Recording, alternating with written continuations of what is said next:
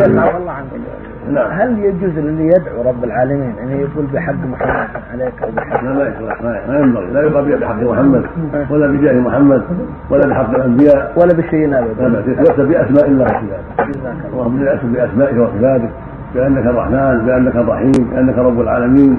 أو بالأعمال الصالحة. يسال الله بإيمانه به وايمانه بنبيه صلى الله عليه وسلم وتوحيده له وإخلاصه له. هذه وسيله الاسماء الحسنى وصفات الله والاعمال الصالحات اما التوسل بجاه فلان أو بحق فلان هذا منكر عند الجمهور